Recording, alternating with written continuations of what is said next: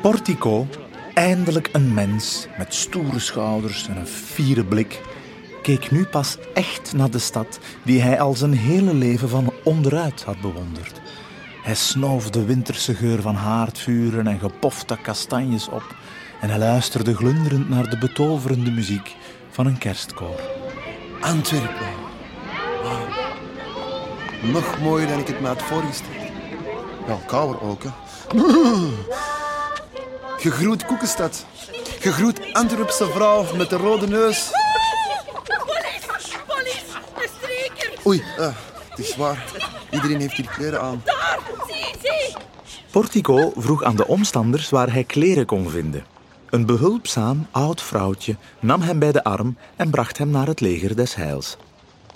Ze maakte even een omweggetje langs de straat van haar vriendin, die het bijzondere koppel zag voorbij wandelen. Al jaar en dag is Oos Roma onze vaste Maar Maurice, komt naar zing. Ja. Daar, mag dat met, met een blote vent onder een arm?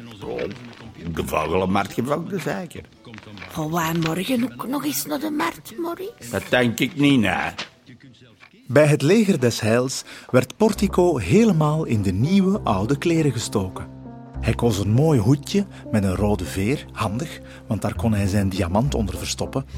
Hij kreeg ook nog wat proper ondergoed en een koffer vol stickers van reisbestemmingen waar hij nog nooit geweest was.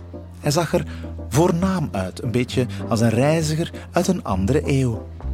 Hij kreeg nog een programma van 1978 van de KNS mee en hij kon helemaal ongegeneerd de straat op.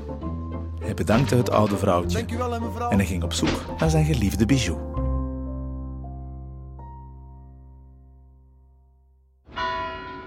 Half vijf. Oh, Portico had Bijou lang genoeg bewonderd om te weten dat zij om kwart voor vijf van haar werk kwam. Hij moest naar het stadhuis. Maar Antwerpen zag er bovengronds zo anders uit. Om kwart voor vijf liep hij een beetje verward over de Groenplaats, Dat is te groot. het Conscienceplein, Dat is te klein. de Grote Markt Oh.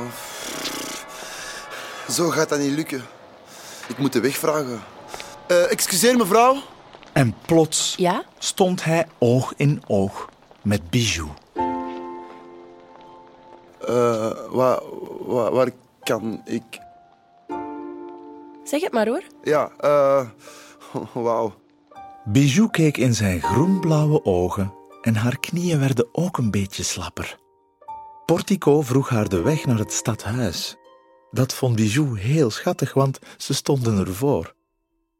Portico verontschuldigde zich en vertelde dat hij voor het eerst in Antwerpen was. Voor zaken. Dat was niet helemaal gelogen. Hij was er inderdaad voor het eerst als mens. En liefdeszaken zijn ook zaken. Mijn naam is Portico. Ik ben Bijou, aangenaam. Mooie stad, hè? Antwerpen. Ja? Eh, dat stadhuis, eh, zo statig. hè. Eh, en die eerste verdiep, dat is toch zo schoon, wauw. Ja, de schoonste stad ter wereld, hè. Allee, dat vinden die van Gent ook, maar dat zijn dikke nekken.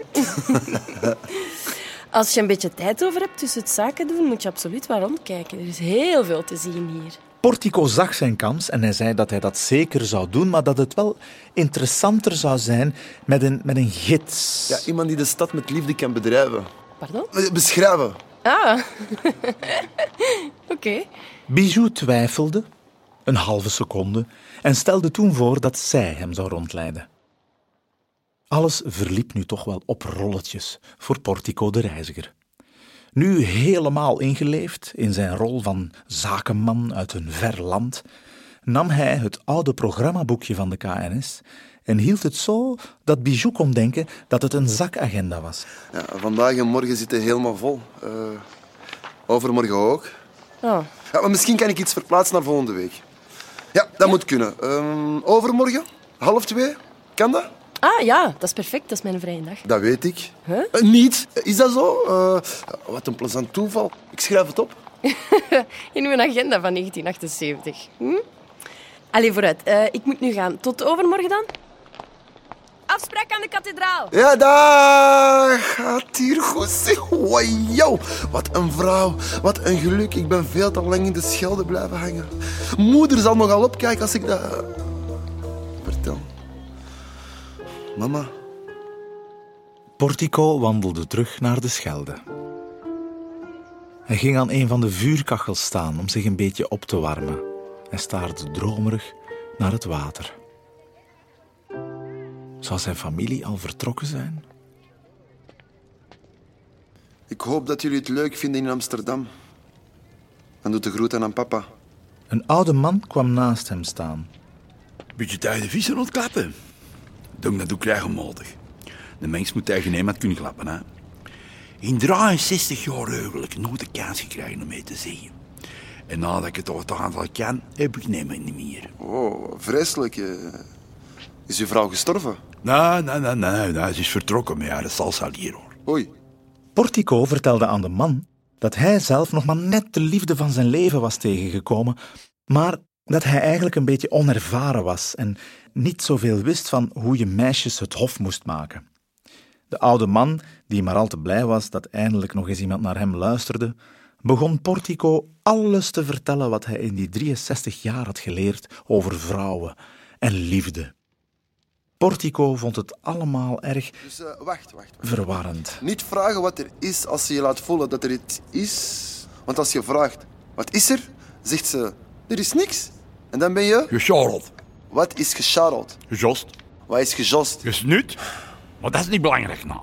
Oh ja, wat ik ook nog zeker moet weten, dat is... ehm, als je sokken hoort. Amai zeg. Maar jij weet echt wel veel over vrouwen, hè? 63 jaar observatie, jongeman. Dus, samenvatting. De vier H's zijn. Oké. eh, hard werken. Juist, eh, humor. klopt, Hoffelijk. absoluut. En ehm ja, wacht, wacht. Ligt op de puntje van mijn tong. Het was iets met hondjes. Hond? Hondstrouw. Ja! Ja. En als je ermee afspreekt, zorg dan dat je een beetje stavel gekleed bent en een kleine tankje baait. Antwerp centjes of zo. Je hebt toch wat geld? Nee. Ik heb alleen dit. Portico nam het hoedje met de rode veer van zijn hoofd en toonde de man de kolossale diamant. Die viel bijna achterover van het verschieten.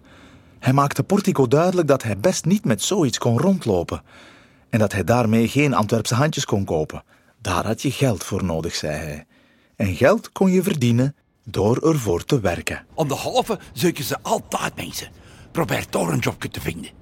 Beladen met zijn nieuwe kennis en vol goede hoop om indruk te maken op Bijou, ging Portico zich aanmelden aan de haven om wat geld te verdienen. En hij had geluk. Ze zochten nog mensen. Wauw. Deze container even lossen en op. Kassa, kassa. Geld om cadeautjes te kopen. Tien minuten later. Hoe doen die mannen dat zeg? Ik heb precies al twee keer het kanaal overgezwommen. Hé, Portico, laat nu zien dat ik geen paling zeg. Totaal geradbraakt na zijn zware dagtaak aan de haven, keerde Portico terug naar de stad. Hij zocht en vond een klein kamertje in de buurt van de Maalderijstraat. Daar kon hij overnachten. En morgen... Bijou time.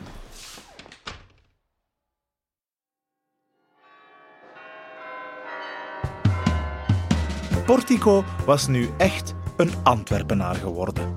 Hij had een kamertje waar hij de bijaard van de kathedraal hoorde. Hij had een afspraakje met een Antwerpse schone. En hij had dus nu ook een job aan de haven om dat afspraakje in stijl te kunnen aanpakken. Met krakende gewrichten en pijnlijke spieren sleepte Portico zich uit zijn bed. Oh, dat is niet lachen, zo'n mensenruif. boog, strekte en stretchte oh, tot hij weer min of meer rechtop stond en ging toen Antwerpse handjes halen.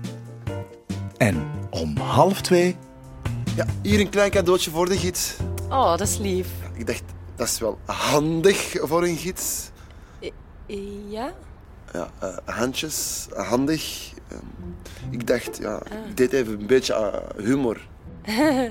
Ja, aan zijn grapjes was nog wat werk.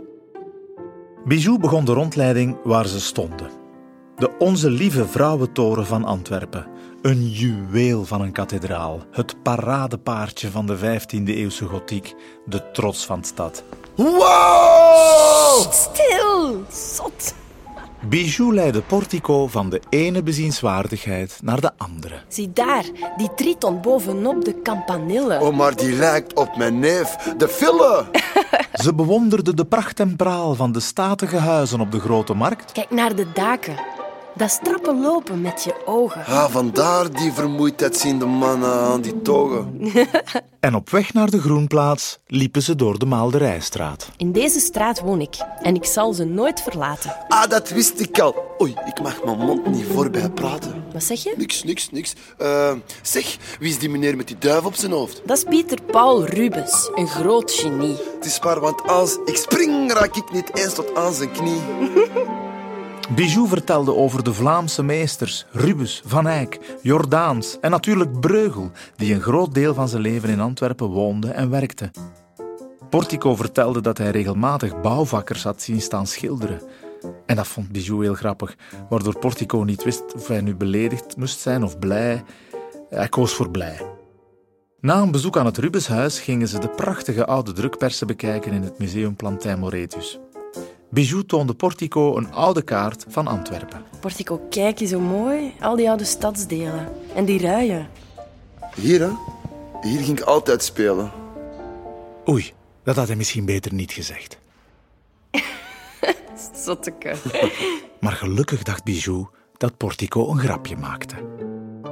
Ze nam hem ook nog mee naar de Boerla-schouwburg en de Carolus Borromeuskerk op het Conscienceplein, waar ze hun vermoeide benen onder een terrastafeltje schoven. Bedankt, Bijou. Dat was heel fijn. Mag ik mezelf al wat meer Antwerpenaar noemen? Mm, nee, niet voor u mee naar de zoo bent geweest. En voor we zijn gaan shoppen. Portico dacht, oei, shoppen. Misschien best eerst nog wat meer geld bij insparen. Hij vertelde haar dat hij het de volgende dagen te druk had, maar ze zouden elkaar een week later terugzien aan de prachtig versierde kerstboom op de grote markt. Portico hernam zijn werk aan de haven en leerde enkele nieuwe woorden die belangrijk konden zijn voor zijn duik in het Antwerpse modeleven. Is precies weer al een fraksje kamer. Oh, Jos, dat is met die vliesklak van Aab, hè. Zet een potsoep. Snel even noteren. Uh, frakske, vleesklak, pot. Portico werkte graag aan de haven. Niet alleen was hij dan dicht bij zijn geliefde Schelde, hij hield ook van de sfeer en de humor. En hij voelde zich hier perfect op zijn gemak, want iedereen kwam van ergens anders. De reusachtige Marokkaanse tweeling Mo en Saad bijvoorbeeld. Bomen van kerels. Niemand kon ze uit elkaar houden, daarom werden ze samen de Mossad genoemd. Zij zelf konden daar nog het hardst om lachen. Ook koffie uit Ghana droeg vier zijn bijnaam, de cappuccino. Dan had je nog de Vanne, dat was eigenlijk een Rus, Ivanovic. De Tetris heette eigenlijk Dimitris en die kwam uit Griekenland. En oh ja, er was ook nog de Fokke, de Sanne, de Toef, de Pat, de Bully en de Pizza Hawaii. Hey, Hawaii. Die laatste kwam uit Napels. Die kon niet zo lachen met zijn bijnaam. Ah, madre madonna, no. Niet vanwege de pizza, maar vanwege de ananas. Ja, ja, ja. De dagen vlogen voorbij. En precies één week later, zoals gezegd, De zoo. Ah, de zoo. En waar is dan de zoologie? Achter de poort, slimmeke.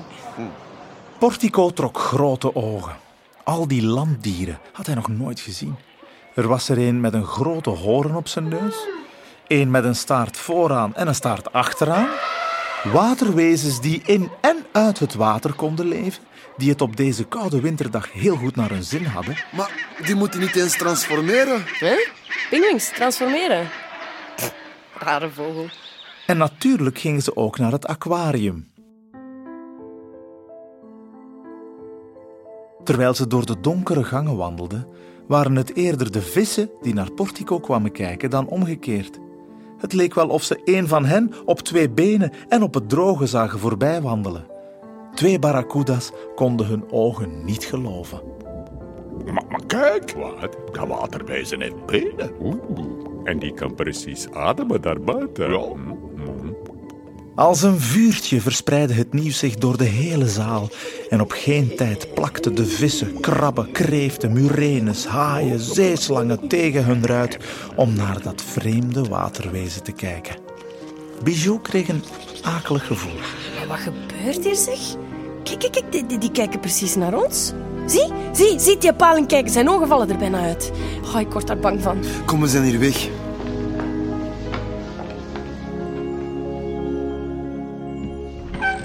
Wat was dat, zeg? Mensen, lief, ik kreeg daar kikkenvel van. Nog een beetje met de daver op het lijf volgde Portico Bijou naar de Diamantwijk. Ze vertelde hem dat hier de beste diamantslijpers ter wereld aan het werk zijn. Ze gingen een atelier binnen en Portico zag hoe een vakman een ruwe diamant omvormde tot een prachtige blinkende steen. Hier moet ik later eens terugkomen, dacht Portico bij zichzelf. Terwijl ze over de De Keizerlei terugwandelde richting Meijer, nam Bijou zijn hand. Eerst aarzelend en dan, als ze geen weerstand voelde, steviger en nog steviger. En dan, als ze geen bloed meer voelde stromen, licht en speels. Portico bleef strak voor zich uitkijken om zeker geen verkeerde beweging te maken, waardoor ze weer zou loslaten. En toen zeiden ze tegelijkertijd: Ik hou van onze... leuk dat- Ik, Ja, sorry, eh, doe jij maar eerst. ik, ik hou van onze ontdekkingsreisjes door Antwerpen. Wat wilde jij zeggen? In zijn hoofd hoorde hij zijn makkers van de haven. Kom aan, Protico, get beet. Ja, ik, eh, ik wou hetzelfde zeggen. Maar met eh, jou in de plaats van onze ontdekkingsreisjes. Ja, soms is het voldoende om de juiste woorden uit te spreken, om daarna een kanjer van een stilte te laten vallen, meestal gevolgd door een knaller van een. waar de vonken vanaf vliegen. Volgende week? Zelfde plaats, zelfde tijd? Nee, zeker. Portico danste naar zijn zolderkamertje. En mocht het bed steviger geweest zijn, hij had er een paar salto's op gedaan. En vanaf dan gingen Bijou en hij wekelijks op stap. Warme wafel eten, biertje drinken, museum bezoeken of naar een concert in de Koningin Elisabethzaal.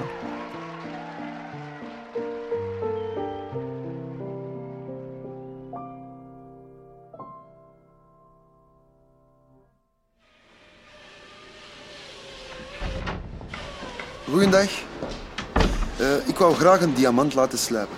Een tijdje later keerde Portico terug naar de diamantslijpers en toonde aan een diamantair die Isaac heette de kloever van een diamant die hij van zijn mama had gekregen. Isaac zette grote ogen op en krabde zich onder zijn keppeltje.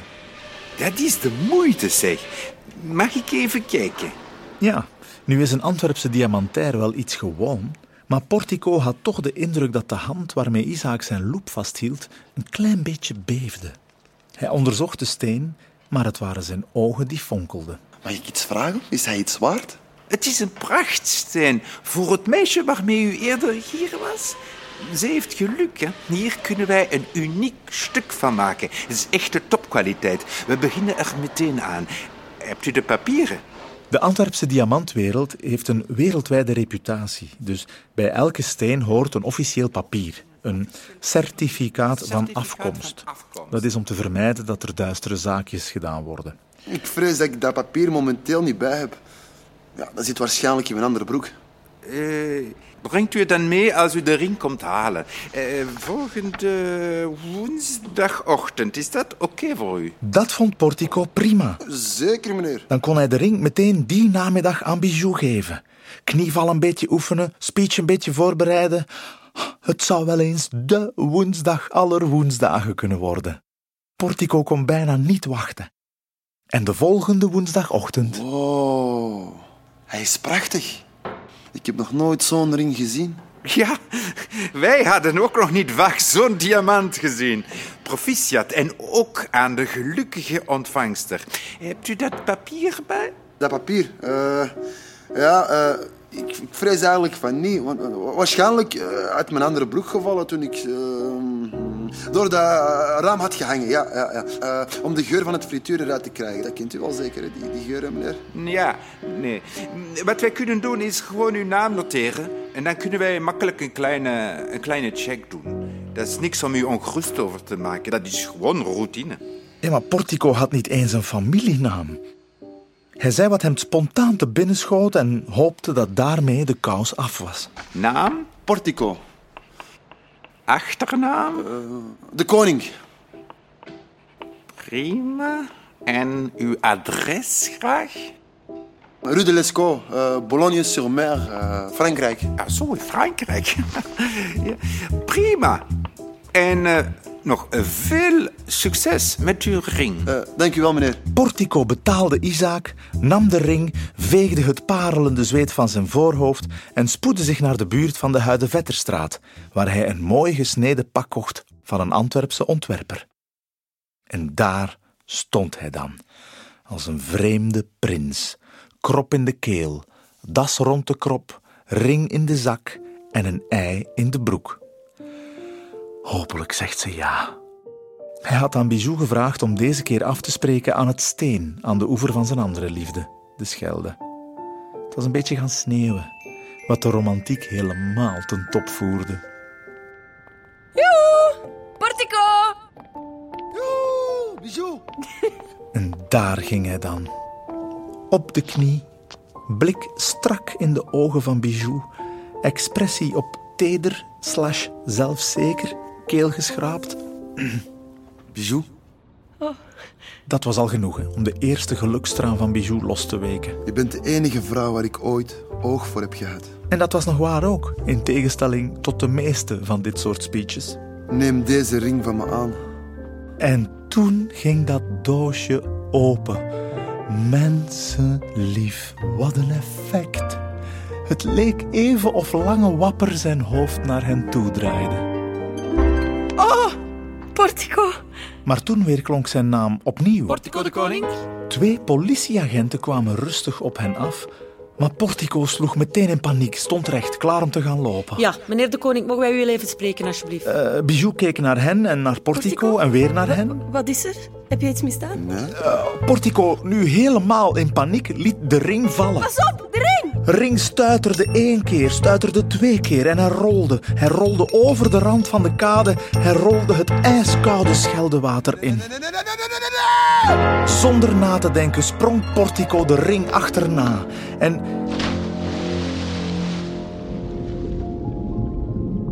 Hij werd op slag weer waterwezen. Hij stak zijn salamanderkop heel even boven water en zag hoe Bijou van op de wit besneeuwde kademuur met afgrijzen in haar ogen naar hem keek. Portico? Om het hysterisch gekrijs van Bijou niet te hoeven horen, dook Portico, ring in de klauw geklemd, de diepte in.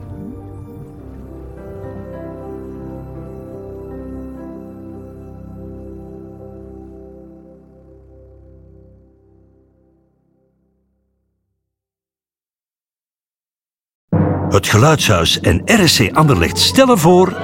Fromage. Hamza adore le football. Hij droomt ervan om bij Paarswie te spelen. Mais une petite souris timide peut-elle devenir un bon footballeur Fromage is een hilarisch en muzikaal luisterverhaal over kansen krijgen en grijpen. 60 minuten puur luisterplezier. In het Nederlands en in het Frans. Pour les enfants de 6 à 106 ans. Verpakt in een heerlijk zoekboek. In een scenario van Bart Kanaerts en met de stemmen van Nabil Malat, Jennifer Heijlen, Zwangere Guy, Jan Mulder en vele, vele anderen. Avec les voix de Mourad Zegendi, Jean-Paul Clairbois, Damien Gillard, Yuri Tillemans et plein d'autres. Dat is geweldig! Fromage. Vanaf 21 september verkrijgbaar in de boekhandel, de Geluidshuis-app en op geluidshuis.be.